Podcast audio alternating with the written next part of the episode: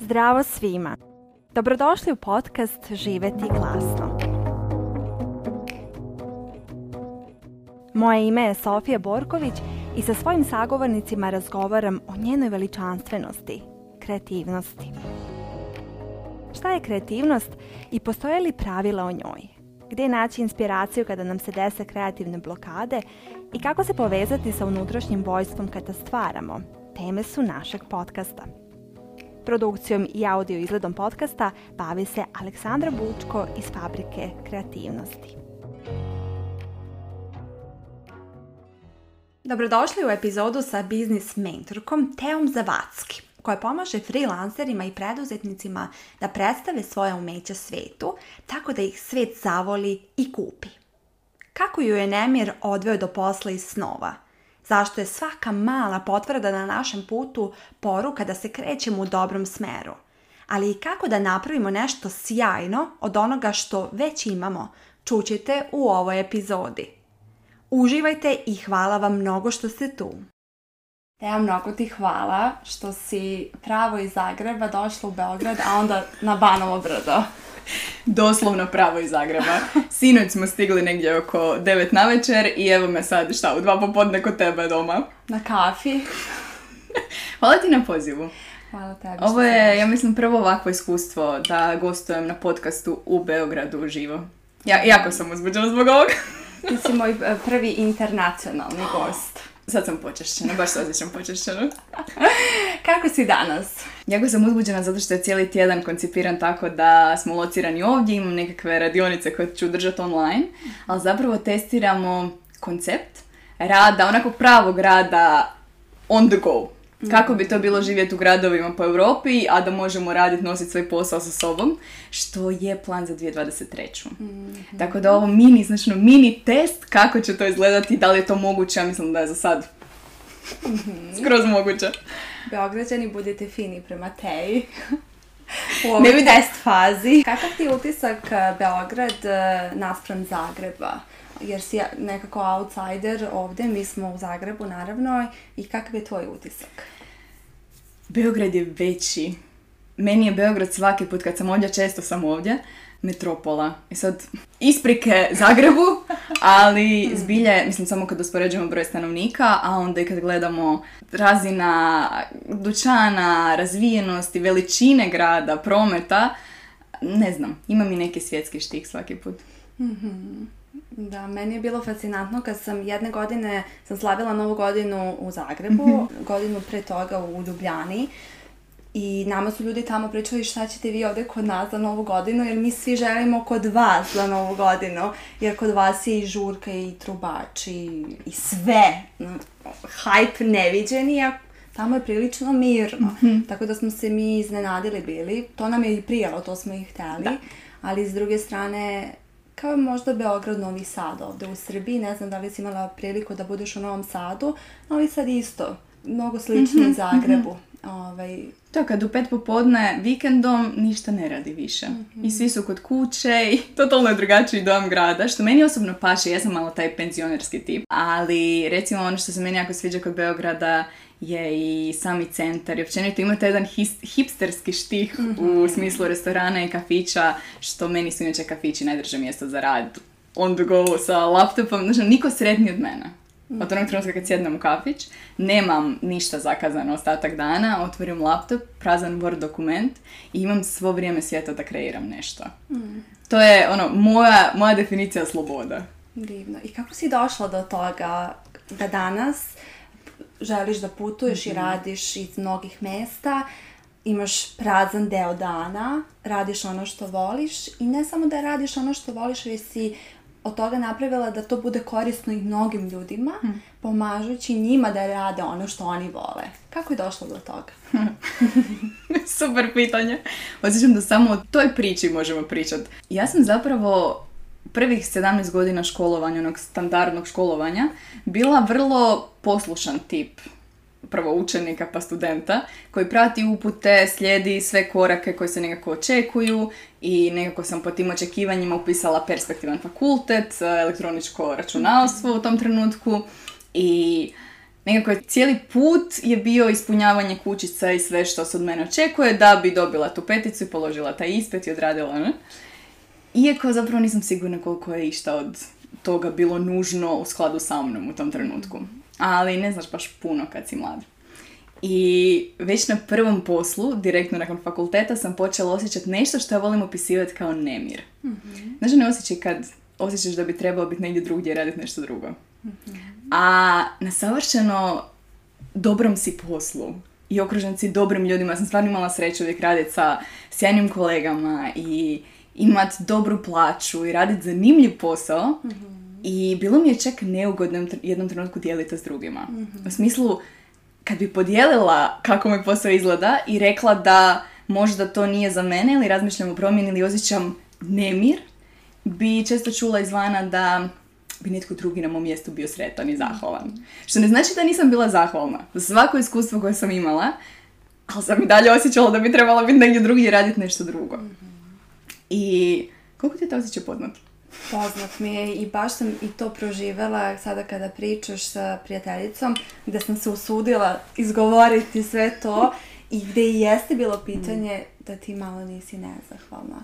I mislim da je taj moment sudaranja toga da mi možda jesmo nezahvalni, a možda nismo nezahvalni i to da ne znamo. Dok ne mhm. probamo, mhm. mi ne znamo. Možda kada probam shvatimo, wow, mi smo zaista bili nezahvalni, ali možda kažemo, wow, ovo je ono što sam želela.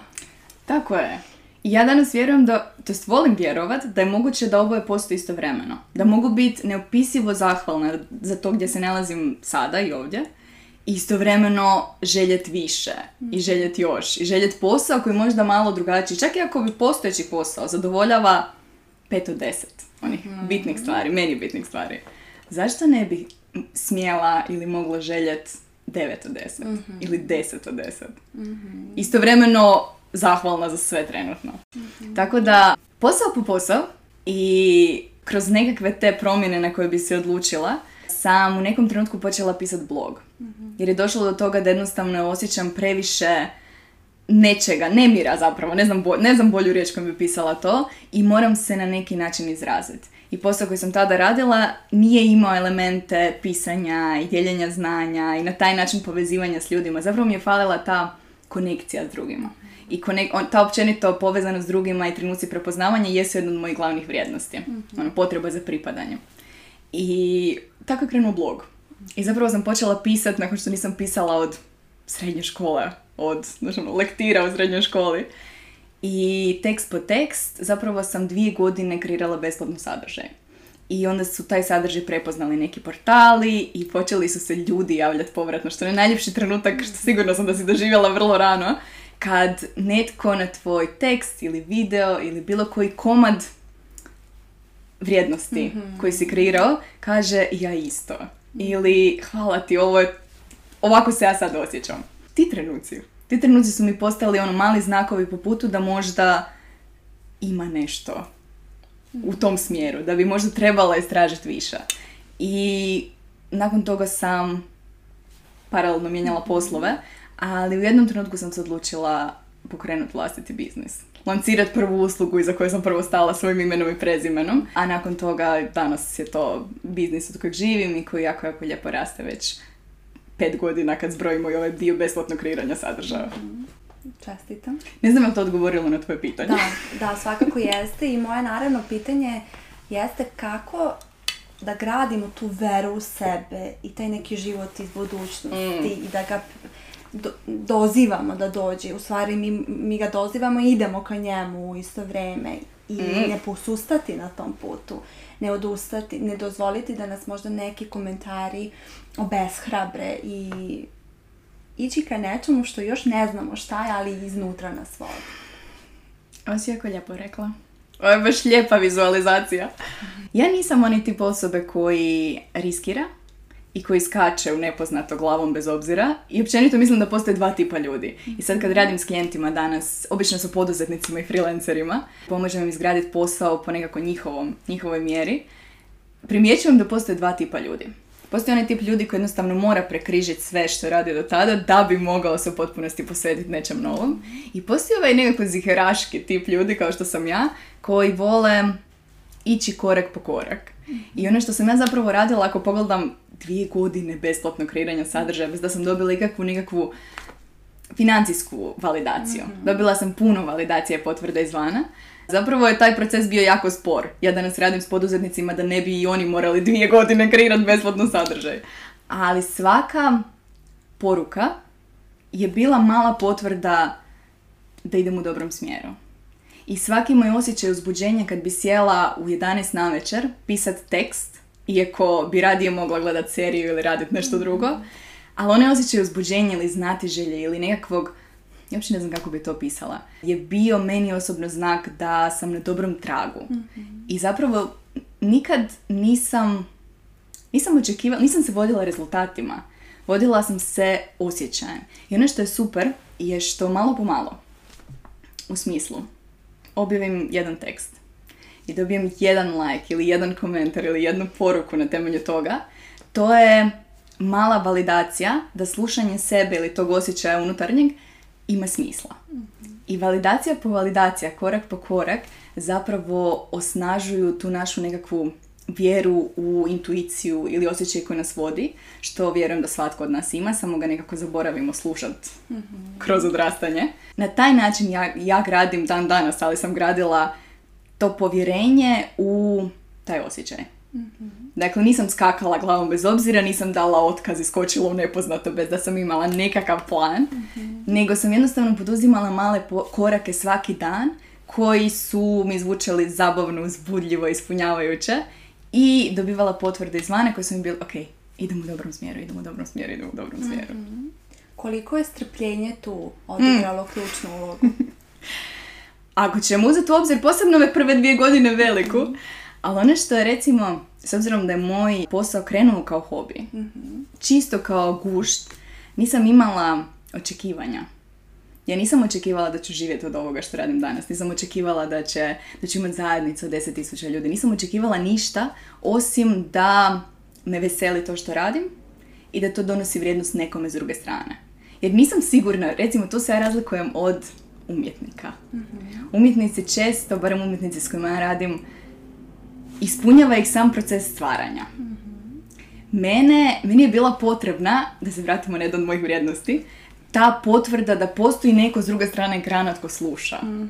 I to mi je recimo taj jedan mali krug gdje ja nešto stvorim, vođena vlastitim iskustvom, interesima ili inspiracijom. I onda to dođe do jedne jedine osobe s druge strane koja kaže wow, hvala to je bio za mene puni, znači full circle, mhm. koji mi je bio kao, ima smisla. Divno, divno. I koliko je ta naša lična priča i ono što mi jesmo i što su naše vrednosti deo našeg brenda. Mm. Mnogi ljudi kada krenu, to je neko moje iskustvo sa njima u radu, kada krenu da stvaraju nešto što im hrani dušu i što je lepo i što žele da monetizuju u nekom trenutku, ne znaju kako da to predoče ljudima jer mi često ne vidimo sebe i sobstvene vrline i mane i deo puta mhm. koji je drugima vao i zanimljiv jer smo se saživali sa sobom i ljudi često ne umeju da ispričaju priču o sebi, o svom brendu, o onome što stvaraju. Kako da to nekako malo posložimo da bismo mogli da predočimo svoje proizvode na mhm. najbolji mogući način? Znaš šta, ja često mislim, to ne, čak ne da mislim, nego često čujem izvana od ljudi s kojima radim rečenice poput ali nikoga ne zanima moja priča. Ili moja priča je dosadna. Ili nema ništa zanimljivo u tome kako sam ja došla do tu gdje jesam. I ne vidim zašto bi pričala o tome kad ljude zanima samo tri savjeta kako doći do nečega. I ne mogu reći da nisam bila u toj, u toj fazi ne mogu reći da nisam bila u fazi u kojoj sam osjećala da... Znaš da sam imala fazu?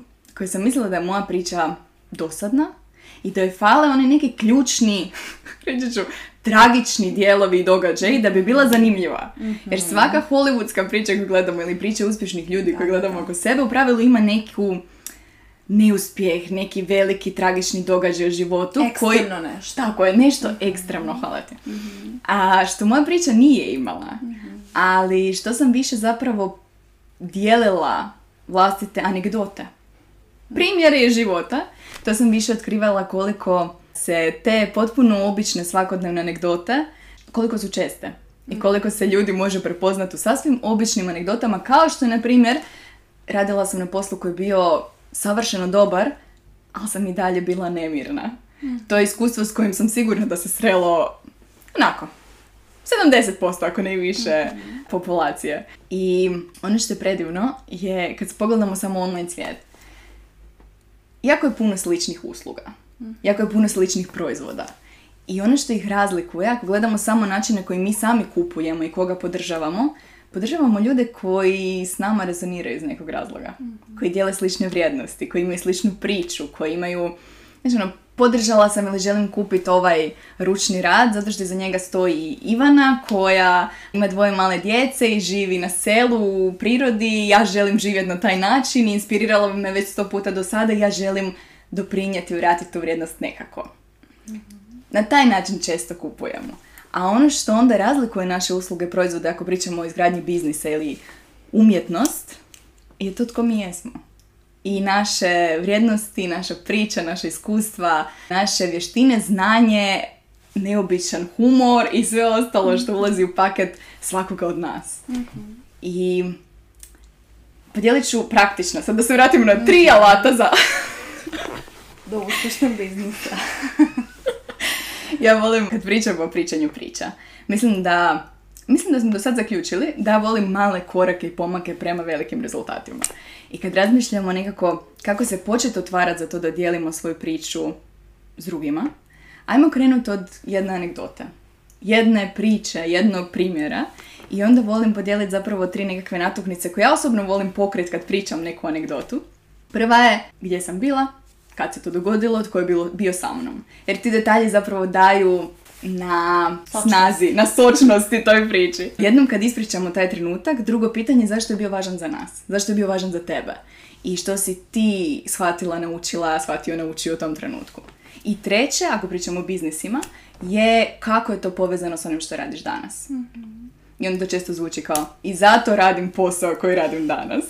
Mhm. I to su tri jednostavne natuknice kroz koje možemo početi pričati svoju priču. Koliko to vrijedno? Ima, ima smisla i tekako i to je taj put prosto koji mi svi treba da pređemo manjoj ili većoj meri, brže ili sporije u zavisnosti od toga ko smo mi kao ličnosti. I ono što tu negde nastupa kada se ljudi i posebno umetnici i kreativci otvore za svet, jer je za to potrebno jako puno hrabrosti, ranjivosti, mm. želje, pasije, vere i vrlo često na svom putu smatraju kako je to dovoljno što su već iskoračili. I taj moment susrete sa tim da je to početak, da je to početna tačka bez koje nijedna druga ne može da mhm. usledi, može da ih jako blokira na tom putu. Pogotovo što su se vratili već sebi, i svom prirodnom mm. talentu i daru i sada treba još nešto da nauče. Jer to kako nešto prodati, kako nešto mm, promovisati, kako nešto prikazati i doći do broja ljudi se uči, to je veština. I zato si ti tu kao biznis mentorka da nam dočaraš koliko je to zapravo isto važno. Jer volim ljudima na svom programu da kažem da ako ti samo sebi identifikuješ kao umetnika i neko ti zalepi nešto negativno ili ne kupi od tebe u tom mhm. trenutku, vrlo često ćeš odustati, prosto to je prirodno, ne ide ti i čovjek želi od toga da se skloni što pre. Ali ako sebe identifikuješ kao umetnika sa nekim pod skupinama, pa kažeš u tu umetnost spada i moj talenat, bavljenje, usavršavanje, to je jedna skupina mhm. kvaliteta. Druga skupina kvaliteta je doći do publike, promovisati, prodati.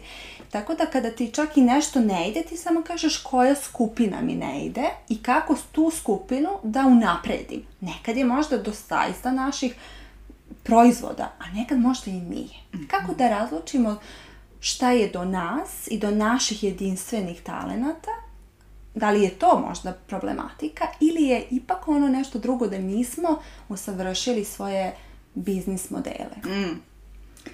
Iz mog iskustva, naravno to ovisi od primjera do primjera, ali iz mog iskustva puno češće ovo drugo. Mhm. Jer umjetnost je subjektivna i posebno kad pričamo o umjetnosti, često su ti proizvodi, posebno ako se radi o ljudima koji su radili na sebi i ovo što si rekla, povezali su sa sobom, izrazili se, već uložili određenu dozu, pokazali određenu dozu hrabrosti, puno češće je do toga kako sad to nešto, tu vrijednost koja je nastala kroz proces, prodati. Mhm. I sad u prodaju ulazi naravno sve ovo što si navela, sve vještine.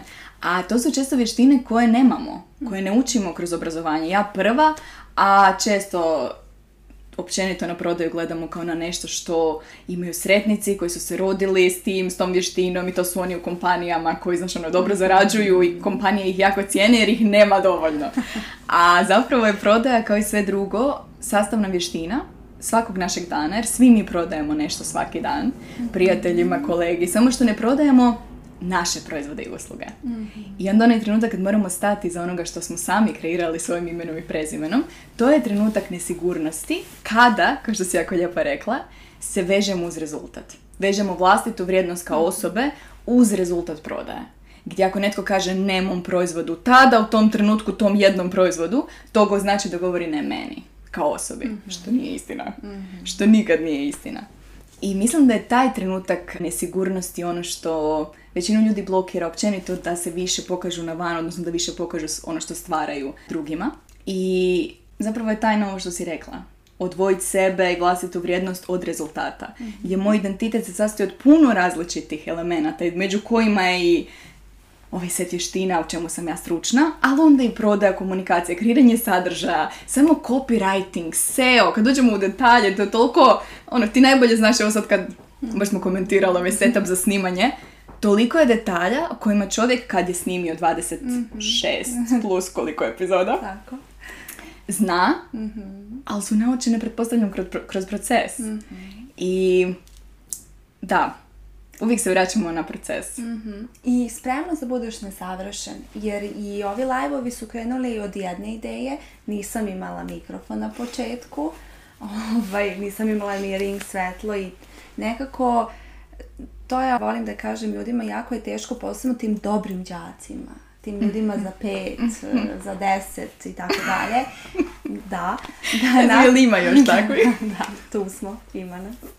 Ove, ovaj, da sad kao vratimo se u tu neku početničku fazu, biti početnik, biti nesavršen, ne znati i vidjeti koliko ne znaš, ali opet treba nastaviti. I ja sam zato i svoj blog u početku nazvala i on je sad malo porastao i u mhm. program, živjeti glasno. Mhm. Jer želim da živim sebe, ne želim da živim savršeno, ne želim da živim nešto tuđe. Ne, prosto to mi je već dovoljno i to je moj uspjeh. Sad, da li je to dobro, da li to nije dobro, da li je, može bolje, može bolje. Uvijek može bolje. Da, ali kao to je nebitno. I tu je isto onaj moment gdje se ljudi nekad zaglave, gdje imaju blokadu, da se pomire sa tim da su to rani radovi. I mi, umetnici i kreativci, uvijek imamo nekog Dostojevskog, nekog Pikasa, mm. nekog kome se divimo koji je decenijama u tome. I naravno kad uporedimo nešto naše rano i njihovo, prosto želimo odmah da odustanemo i da se pokrijemo i da odemo na selo i da živimo pod nekim kamenom.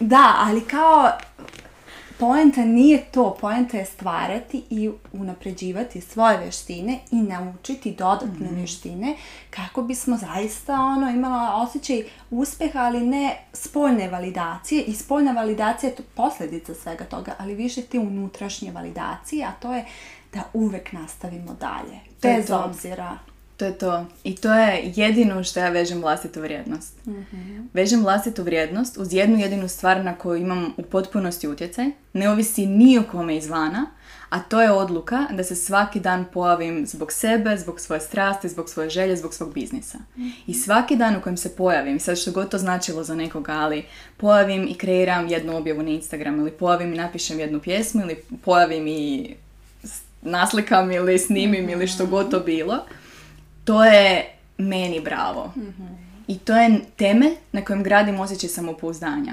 Svaki put kad sam dala sama sebi obećanje i ispunila ga je ono što je u potpunosti pod mojom kontrolom i nešto na čemu gradim onaj dobar osjećaj vezano za sebe. Jer onda je potpuno sve jel te netko na kraju kupio ili je to mhm. transformiralo život ljudi zato što se validiram samo u sebe u procesu jer se nastavljam pojavljivati, truditi i poboljšavati i učiti. Jer dok se nastavljamo pojavljivati, zapravo postajemo sve bolji. Mhm. Neizbježno je. Čak i da se ne trudimo, postajemo sve bolji. A onda s tim dođu rezultati, vanjski rezultati. mm Samo ovaj prvi je zapravo taj ključ koji, mislim da je set godin, ne znam, primaš možda mhm. njegov newsletter. Mhm. Set godin zapravo često piše o tome da kad primi recimo newsletter ili mail od nekoga tko se žali kako još, ne znam, napisao je x, lancirao je bloga, još nitko nije komentirao, čitao, lajkao, zapratio. On često kaže, dobro, koliko blogova si napisao do sad? Pa pet, još uvijek nitko nije komentirao. Njegov komentar je, ok, javi mi se kad ih napišeš sto. Mhm. Kad ih napišeš 200, kad ih napišeš 500. I to je ono što zaboravljamo u procesu. Mhm. Da li je to jedna od vještina i vrlina ujedno koju si naučila u procesu kreiranja svog biznisa i koje su to neke druge vrline koje si hmm naučila i osvestila i, kako bih rekla, unapredila tokom građenja sobstvenog biznisa? Jako su mi lijepo ova dva pitanja. To sam ti rekla kad si mi ih, ono, natuknula mi teme o bi mogle pričati unaprijed. Iako mhm. Jako su, ne znam, rezoniraju sa mnom. ok, kad razmišljamo o vještinama, ovo je definitivno jedna od njih. Dosljednost i pojavljivanje iz dana u dan je nešto što sam baš, baš brusila i nešto o čemu se inače ne priča zato što se obično veselimo, slavimo i hvalimo vanjskim uspjesima, rezultatima i validacijom.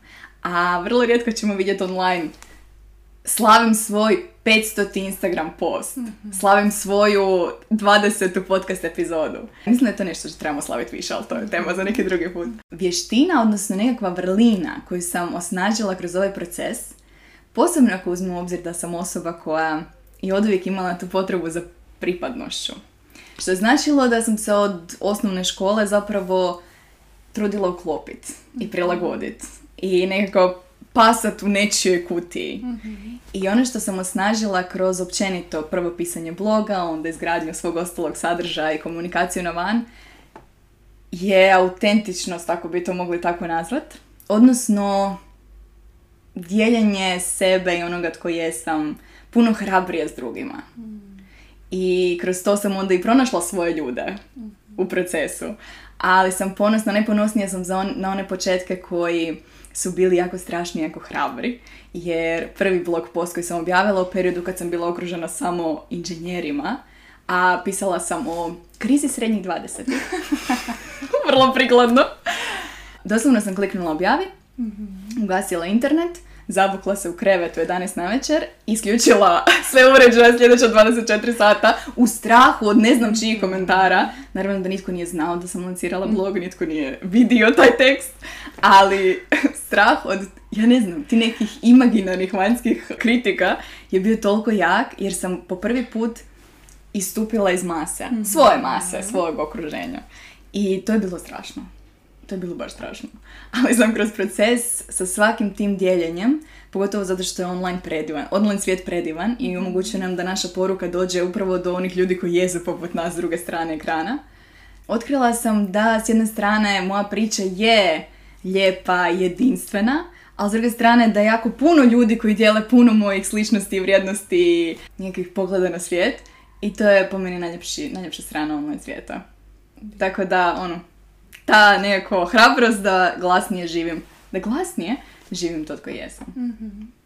Divno. I sada neko te gleda i vidi tvoj odmak i vidi uspehe što unutarnje, što spoljašnje i vrlo često pomislimo kako su ti ljudi koji su ostvarili neke svoje milestones i ciljeve već sve shvatili. Mhm. I kako su oni daleko od nas na neki način, ne možemo uopšte da se, da se poistovetimo nekad možda sa njima. Meni zanima baš zbog toga koju sada veštinu i naviku gradiš da bi bila još ostvarenija iznutra naravno pre svega i samim tim sigurno i sada pošto si ostvarila određene ciljeve imaš nove ciljeve to je taj divan proces kreiranja bilo čega što je naše jer tu nema stajanja. Ako imamo samo cilj da dođemo do neke slike i savršene mhm. slike i nekog raja i da ga čk, E, ono, slikamo i to je to, vrlo često nije ni naš cilj, e, mm. nije za nas, jer e, onda žurimo da samo uđemo u tu sliku gdje nas ništa neće boleti, da će sve biti u redu, da će ljudi biti sjajni, a to ne postoji.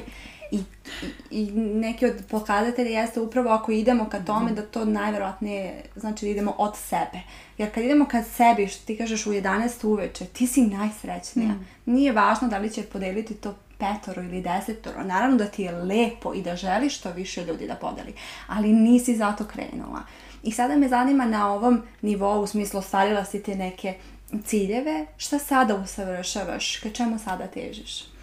Jako mi je lijepi ovaj pogled na ostvarivanje ciljeva. Općenito, meni djelo jako dosadno ideja da težimo prema jednom cilju, onda ga ostvarimo, onda je šta, to, to. Mhm. da. ne razumijem ja i dalje kad zamišljam recimo svoj biznis tamo negdje u 70 im 80-ima, i dalje planiram ako ću moći pisat knjige i ne znam, snimat ovakve sadržaje u bilo kojem formatu ili platformi koja tad bude aktualna. I to je ono što me veseli, veseli me proces. I naravno da sad konkretno imam neke nove ciljeve za svoj biznis, u ovom trenutku je to, znaš što, Otkriću sad, nisam puno još pričala o tom online, ali sve više se zadnjih mjeseci igram sa idejom kao uvijek tu, ali sad osjećam da nekako isplivava na površinu, a to je ideja o tome da proširim svoj brand internacionalno. I to je baš ono, još uvijek se ja pokušavam saživjeti s tom idejom, to je cilj što se tiče vještina. Ja jako volim, to možda nije popularno mišljenje, ali ja jako volim svoj perfekcionizam. Mhm. I ja mislim da je perfekcionizam, odnosno čeka ne bi nazvala tako, ja bi ga nazvala fokusom na detalje. Mhm. Moj mozak jednostavno vidi detalje. I ja ne pamtim dobro, ne snalazim se u prostoru, imam puno stvari koje moj mozak jednostavno ne procesira i ne radi, ali kad recimo vidim tekst, mhm. ja automatski unutar tri sekunde vidim tip mm I vidim recimo greške ovog ili onog tipa mozak koji vidi detalja. I vjerujem da je da su ti detalji, taj fokus na detalje zaslužan za jedan dobar dio kvalitete uslugama koje nudim i stvari na koje jesam ponosna. Međutim, mm znaš kako svaka osobina ima i mračnu i svjetlu stranu, perfekcionizam, svi znamo, nas može ograničavati u stvaranju. I daću ti primjer. Svakog ponedjeljka je moje vrijeme za snimanje podcast epizode. i u početcima je to snimanje trajalo, znalo trajati 3 do 4 sata. Mhm. Jer bi ja snimila jedan dio, a u audio je sjajno niko ne vidi rezove, ne znam gdje si stao, gdje si nastavio. Pa bi stala, pa bi snimila iz početka, pa bi poslušala prethodnih 30 sekundi, pa sam tamo, ne znam, zamucala negdje na trećoj riječi, pa bi to izbrisala i krenula iz početka. 3 do 4 sata. I u jednom trenutku sam sjela i pomislila, dobro te, ako nastaviš, Ovako, ovo nije način i nije sredstvo da dođeš do još većeg, većeg broja ljudi. Na ovaj način nećeš proširiti svoju priču internacionalno, jer jednostavno ovo nije održivo. Nije održivo da ja 3-4 sata snimam jednu podcast epizodu od 20 minuta. I tad sam odlučila naći načine kako u nesavršenosti prvo početi primjećivati nešto lijepo i dobro, i svjesno sam donijela odluku, ok, otvorena sam za primjere oko sebe, nesavršene primjere onoga što sam ja kreirala ili općenito, koji su zbog toga još ljepši. Mhm. I naravno da kad se otvorimo za nešto ili postavimo si neko pitanje svom mozgu, počnemo primjećivati takve stvari. I počela sam primjećivati jedna od prvih stvari koju sam išla gledati su Instagram live-ovi mhm. koje sam snimala. Jer Instagram live-ovi ne dopuštaju stajanje pa brisanje pa ponavljanje. I slušajući vlastite Instagram live sam počela primjećivati koliko su prirodni. Koliko sam ja nekako spontanija, mhm. koliko lijepih stvari podijelim i priče, anegdota koje možda inače ne bi. onda sam dala sama sebi izazov da od sad podcast epizode ne snimam samo u audio formatu, nego video. Mhm. I doslovno zadnjih, nakon ljeta. Podcast, snimanje podcast izgleda tako da upalim kameru, upalim mikrofon, sinkroniziram ih i krenem. Mhm. Nema stanja, nema pauza, nema brisanja. I moram ti priznat da je feedback sjajan. Mhm. Jer ono što je konkretno što čujem je da je sadržaj puno lakše probavljiv jer je razgovoran, mhm. nije svaka rečenica citat za sebe, da je puno lakše ga slušati u šednji. Mhm. I puno onih lijepih trenutaka rezoniranja i konekcije koji možda inače ne bi se dogodili jer se napraviše u svojoj glavi. mm Ja dug, Dugi odgovor. Ne, Akva, hvala ti na tome što si podijelila. Ja i zato volim ove live u smislu uživo snimanje jer se desi hemija. Desi se nešto što opkruži i tebe i mene i cijelu ovu prostoriju i zaista je specifično i specijalno jer se dešava u konkretnom trenutku dok pada kiša, pada sneg, greje sunce i to sve utiče na nas i to ljudi osete i osete prirodnost i mislim da u današnje vrijeme gdje su ljudi više mnogo ulažu u to kako nešto izgleda i kako je nešto reprezentativno, biti nesavršen, biti čovek, grešiti, mucati, nešto tu ovaj, izvoditi, mislim pokazivati znake života. Među je wow i je i postaje originalno. da, i je originalno, zato što onda se spilja osjetimo ponovno mi sami u tom sadržaju. Mhm. I mislim da se to i mijenja, moguće da su zadnje dvije godine utjecale na tu promjenu trenda i sve više vidim koliko ljudi zapravo i na Instagramu koji je jako estetski lijepa platforma mhm. počinje dijeliti nesavršen sadržaj. A onda da ne spominjemo TikTok koji baš potiče kreiranje sadržaja u trenutku, kratko, spontano. Mhm. Mislim da nam je lagano dosta savršenstva. Da baš ono osjećamo svi potrebu neku unutarnju za nečim ljudskim. Ovo što si rekla. Mhm, da, divno. A šta radiš kada ti se dese blokade? Mm. Ne možeš ni da kreiraš, ni da stvaraš i čak možda i ne vidiš šta ti uopšte radiš u svom životu, bez obzira što živiš život koji voliš i koji je po tvoje meri, živiš ga po svom, ovaj, to je normalno i to znači i biti živ čovek. Šta radiš u tim trenucima? Sasvim normalno. ja, ja danas više uopće na te periode blokade ili nekakve stagnacije, kreativnog, potpuno ono suše kreativne, mhm. ne gledam negativno. Doslovno gledam na njih kao na sastavni dio procesa. I je malo kliše, vjerojatno si čula na tu usporedbu sto puta, kao priroda. mm Jednako kao što se priroda sad u jesen i zimu nekako umiruje i lišće opada i sve će mirovati sljedećih 3 do 6 mjeseci, da bi onda na proljeće zapravo procvjetalo i donijelo vidljive rezultate. Mhm. Ja danas na te periode gledam jednako tako mhm. i često ih iskoristim za povratak ponovno sebi i mhm. puno više onda, ja često znam pričati da u takvim periodima mi paše drugačiji sadržaj. Često otpratim sve ove profile, mentore, govornike koji pričaju znaš, ono, o dosljednosti, o disciplini, o ostvarivanju velikih ciljeva, a ima ih, koji mi pašu određeni dio godine. Mhm. Njih otpratim i zapratim sve ove koji se vraćaju sebi. Često su to recimo Brené Brown ili takvi autori koji puno više pričaju o autentičnosti, o sluškivanju, istrpljenju i mhm. takvi sadržaj mi pašu i dam si vremena i prostora.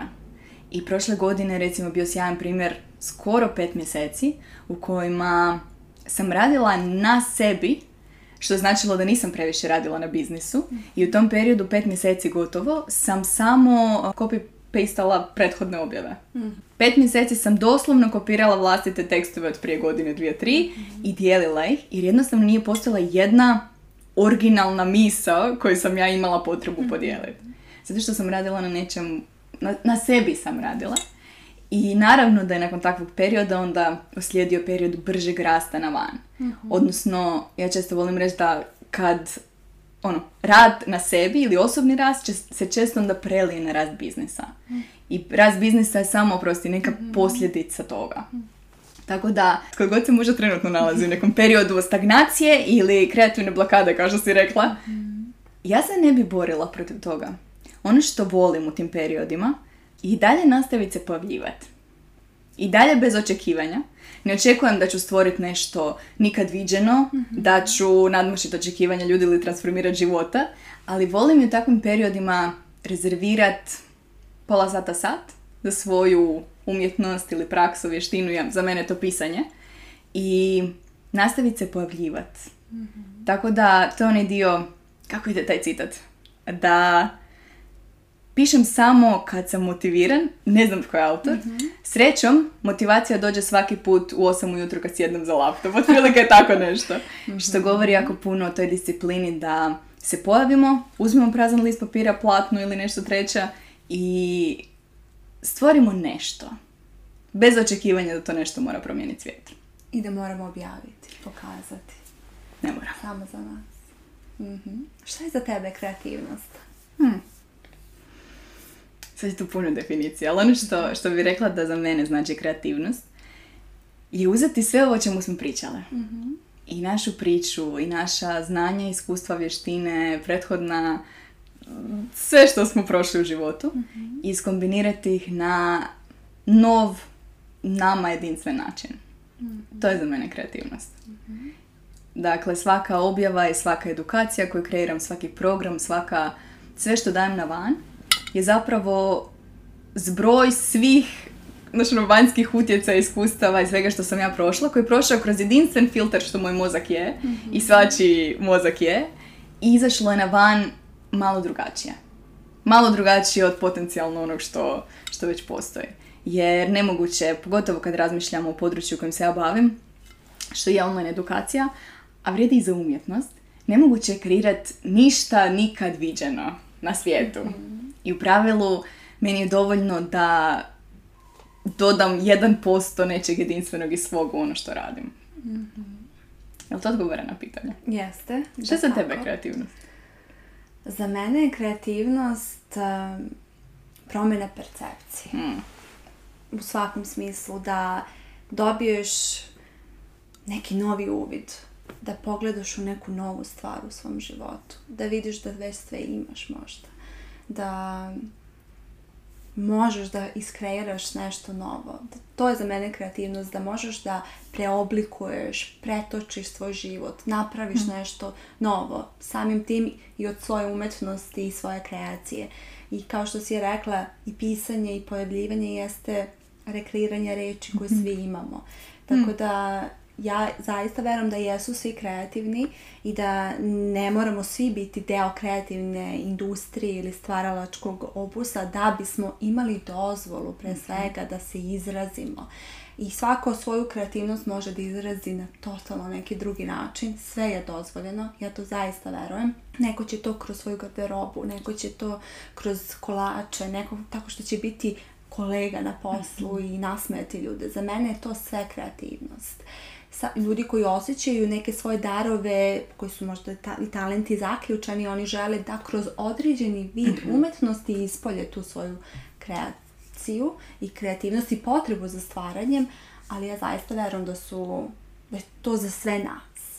I da ono što nekad ljudi kod na našim prostorima povezuju jeste da se kreativnost rađa tek kada ti je sve drugo namireno. Mm. Kada ti imaš obezbeđene sredstva, uslove života, e tada možeš da sebi daš vreme i prostor da se baviš sobom. A ja nekako verujem da smo mi na ovim prostorima pozvani zato što ne možemo menjati istoriju života i prostora na kome smo rođeni, da baš zato imamo možda i veću mogućnost da budemo kreativni i mi jesmo kreativni prosto prirodno, jer kad imaš malo sastojaka ti potrebna ti je kreacija mhm. da napraviš neko malo e, složenije jelo, ali verujem da, da čak i kada nemaš ono što misliš da ti treba, da kada se otvoriš za mogućnosti, da shvatiš koliko toga već znaš i već možeš i da od toga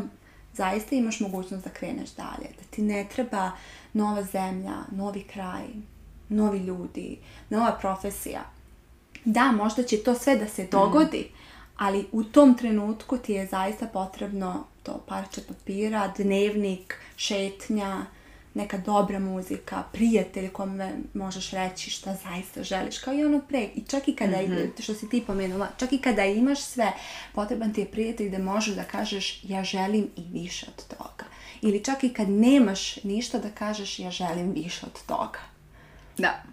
Tako da, eto, to je za mene kreativnost kao način življenja. Mm. I kada je otključamo u određenom segmentu života, mi nekako možemo to da prelijemo i u druge delove.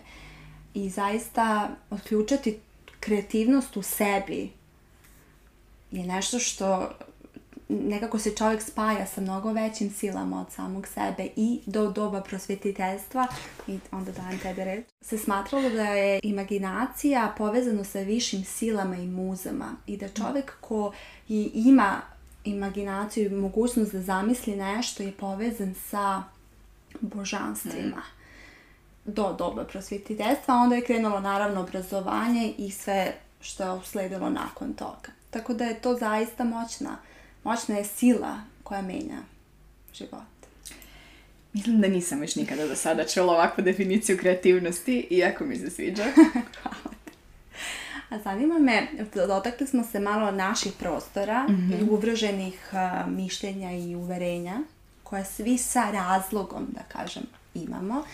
Nema, nema tu prostora da se krive ljudi zašto misle kako misle i osjećaju kako osjećaju. Ali kako možemo da, ok, vidimo šta imamo, napravimo neki, kako bih rekla, kao u magazinima popis stvari i krenuti dalje, da nas ta uverenja ne sputavaju i da se ne prenose na buduća pokoljenja. Mm. Ja mislim da je to moja glavna motivacija u radu na sebi. Dozlovno. Jer što sam više osvještavala sebe i svoje vjerenja i brace ponašanja i navike, to sam više počela primjećivati kako su generacijski prenošena. Mhm. I doslovno moja motivacija u radu na sebi, sad je ovo poprilično osobno, je barem dio toga. A nije uvijek lako mijenjati obrazce ponašanja koje nekako nosimo sa sobom 30 ili više godina.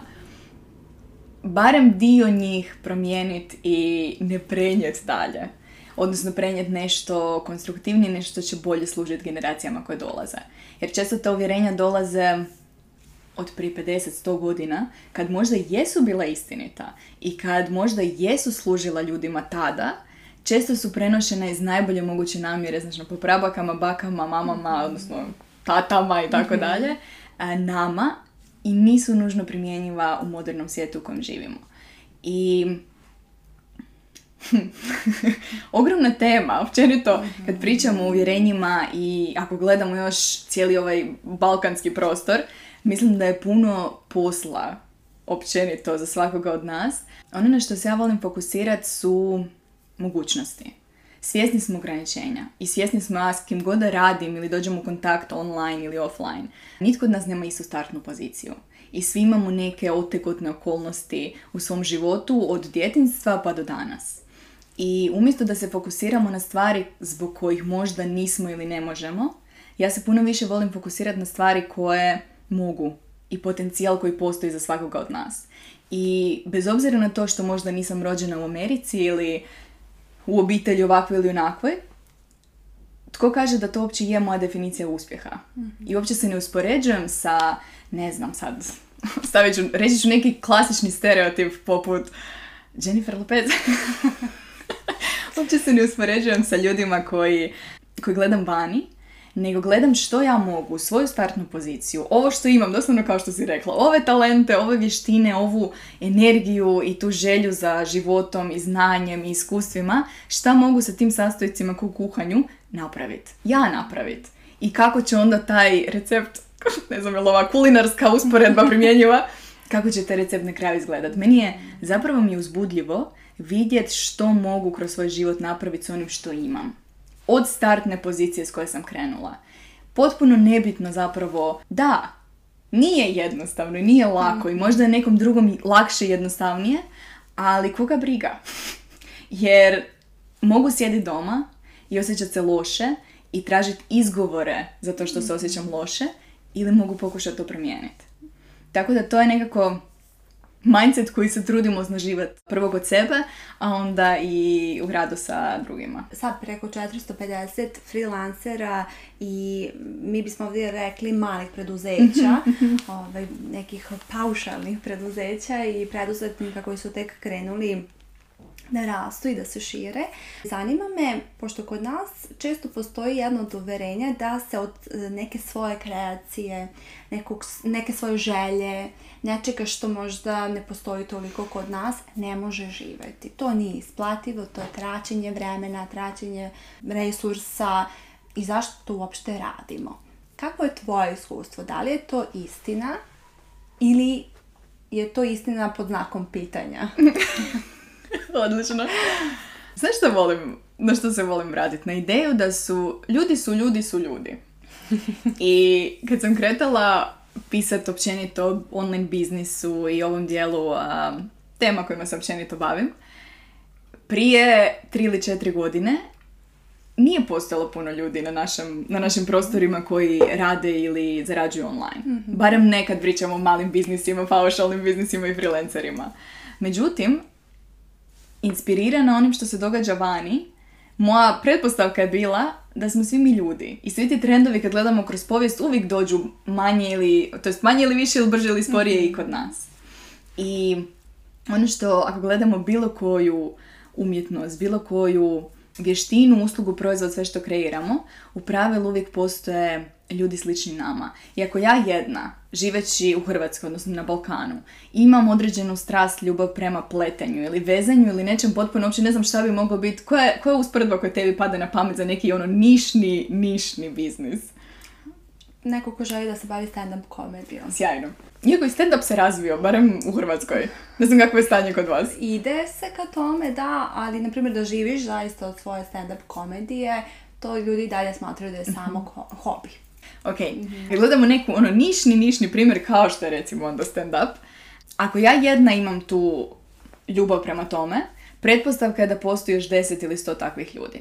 Ono što je razlika između svijeta, odnosno američkog tržišta koje često gledamo i Balkana, je što je manje. Realno je tržište manje.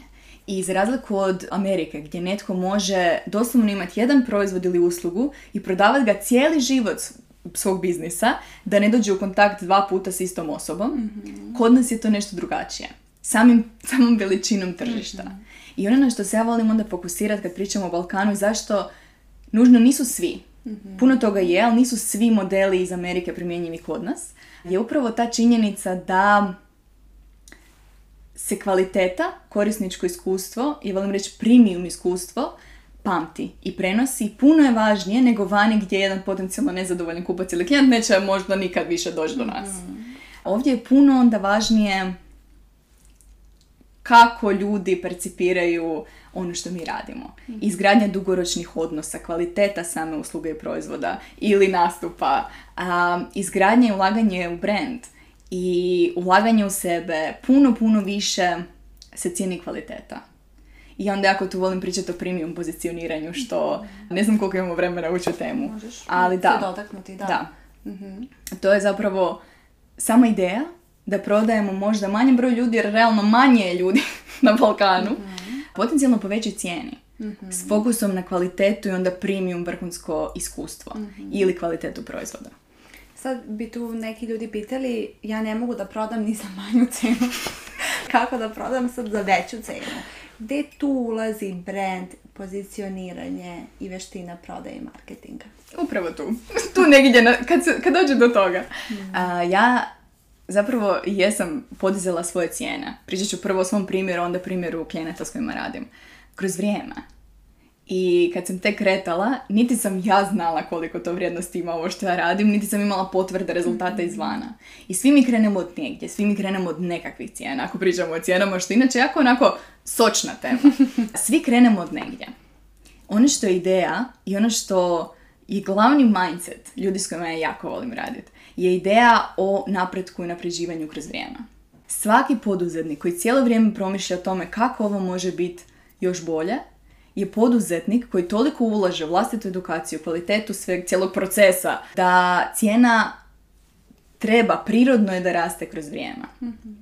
I jednako tako, jedna osoba koja radi posao koji voli, popularizira tu ideju. I neizbježno je kroz godinu, dvije, tri da će doći cijeli niz novih ljudi koji rade nešto slično, ako pričamo o stand-upu. Mhm. Krenulo je sa možda dvoje ljudi na hrvatskoj sceni. Mhm. Danas ih je jako puno. Mm-hmm. I svatko tko se bavi onim što voli zapravo gradi, sudjeluje izgradnji nekog novog tržišta i popularizaciji tog područja i usluge i proizvoda. I s vremenom, kako dolaze drugi koji nude svoje usluge proizvode po nižoj cijeni, potencijalno se događa ona lijepa diferencijacija na tržištu, mhm. gdje onda imamo i više cijene te usluge i niže cijene te usluge. I ako trenutno možda ne možeš još prodati ništa po trenutnoj cijeni, nižoj cijeni, možemo pričati o tome je li stvar pozicioniranja, komunikacijske poruke i tako dalje, ali ajmo ostati na jednostavnim primjerima. Nema još. Hmm. ali kad dođeš do trenutka, kad su tvoji kapaciteti puni, kad imaš možda rezervirane tri slike unaprijed, klijente na čekanju, popunjena tri nastupa unaprijed, to je trenutak u kojem bi, kojem bi voljela da se jedan poduzetnik zapita je li vrijeme da povećam cijene. Mm-hmm. Jer čak i kad imamo tri nastupa popunjene naprijed, i tad postoji strah da nitko više neće kupiti ako ne povećamo cijene. I to je onaj trenutak kad, da, bi voljela da jedan poduzetnik stane i kaže, ok, možda je vrijeme. Možda je vrijeme i možda sam dovoljno hrabra ili hrabar da probam, da vidim šta će se dogoditi. Da, to je onaj moment kad osjetimo da je vrijeme za rast, da porastemo. ne bi to bolje rekla. Nekome je to, ok, ovo će biti moj full time posao, nekom je to ok, podići ću cene, neko je to smanjit ću broj ljudi sa kojima radim, ali to je to, ako osjetimo vreme za razdaju, da se prepustimo i De, molim da te to ponovi još jednom, ovo je toliko dobro. To je onaj trenutak da kad osjetimo... Vreme za rast i porastemo. Tako je. Eto. Reci mi, negde pri kraju želim da te pitam šta je za tebe obilje? Ta reč hmm na našim prostorima opet se često vezuje za novac, za materijalne primere obilja. Šta je za tebe obilje? Inače je također jedna od mojih vrijednosti. Mhm. Ne, nedavno sam ih ponovno definirala, pa mi je svježo. Recimo, mene nikad nisu privlačili skupi predmeti nemam strast prema automobilima, nemam strast prema nekakvim premium brendovima u smislu nakita ili odjeće, što mislim da je, uopće nemam nikakve negativne emocije vezano za to i koga god to veseli, da pače. Ono što mene nekako uvijek, znaš kad osjetiš da si, da je tvoja energija reagira na nešto i da se mhm. osjećaš budnije na nekim mjestima nego negdje drugdje. Za mene su to uvijek bili restorani mhm. i fina hrana, putovanja, i općenito recimo sad ovaj tjedan ćemo provesti u hotelu i ja znam da će u lobijima, u lobiju hotela i u mojoj sobi nastati hrpa sadržaja i potencijalno novih ideja i programa za sljedeće tri mjeseca. Mhm. Jer su to mjesta na kojima se nekako ja osjećam budno. Mhm. E sad na stranu ovi praktični dnevni primjeri. Ono što meni daje najveći osjećaj obilja i jako povezano sa slobodom. Sa slobodom da pratim svoj unutarnji osjećaj, da stvaram i dijelim vodeći se tim, bez ograničenja i da mogu pomoći, to mi je jako važna stavka, da mogu pomoći podržati financijski i nematerijalno bliske ljude i druge male poduzetnike i obitelj i prijatelje u trenutku kad se pojavi potreba. I to nekako, mislim da to sumira moju definiciju. Mhm. I za kraj da imaš jedan dar koji možeš da daš čitavom svetu. To može biti dar koji je u tebi, koji već imaš i želiš da podeliš, a može biti nešto na čemu ti vežbaš. Koji bi to dar bio? Ovo veliko pitanje. Osjećam pritisak. Ukratko. Volj, kad bih mogla. Mhm. Voljela bi svima pokloniti hrabrost da više slušaju sebe i da utišaju strahove, sve strahove izvana, od straha šta će drugi reći, kritike pa svega ostalog i da si dopuste izraziti sebe onako, onako kod ko oni jesu. Da, mislim da... Jer to bi onda dovelo zapravo sve nas do poslova koje volimo, života koji volimo, koji, jesu, koji je po našem. Mm-hmm. Baš sam pre neki dan vidjela na internetu budi ono što jesi da bi onaj ko te traži mogao da te nađe. Jako Nemam ništa za dodatno Hvala ti Teo mnogo što si bila moj gost, što si došla da istražuješ svoje internacionalne opcije u Beogradu. Odlično.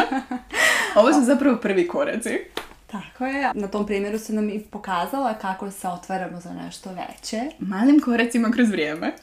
da, tako je. I želim ti mnogo lepih trenutaka u Beogradu i lepih uspomena Hvala ti. Hvala tebi.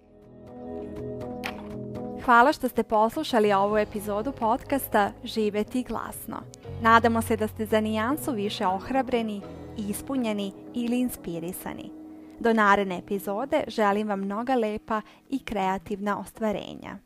Pozdrav!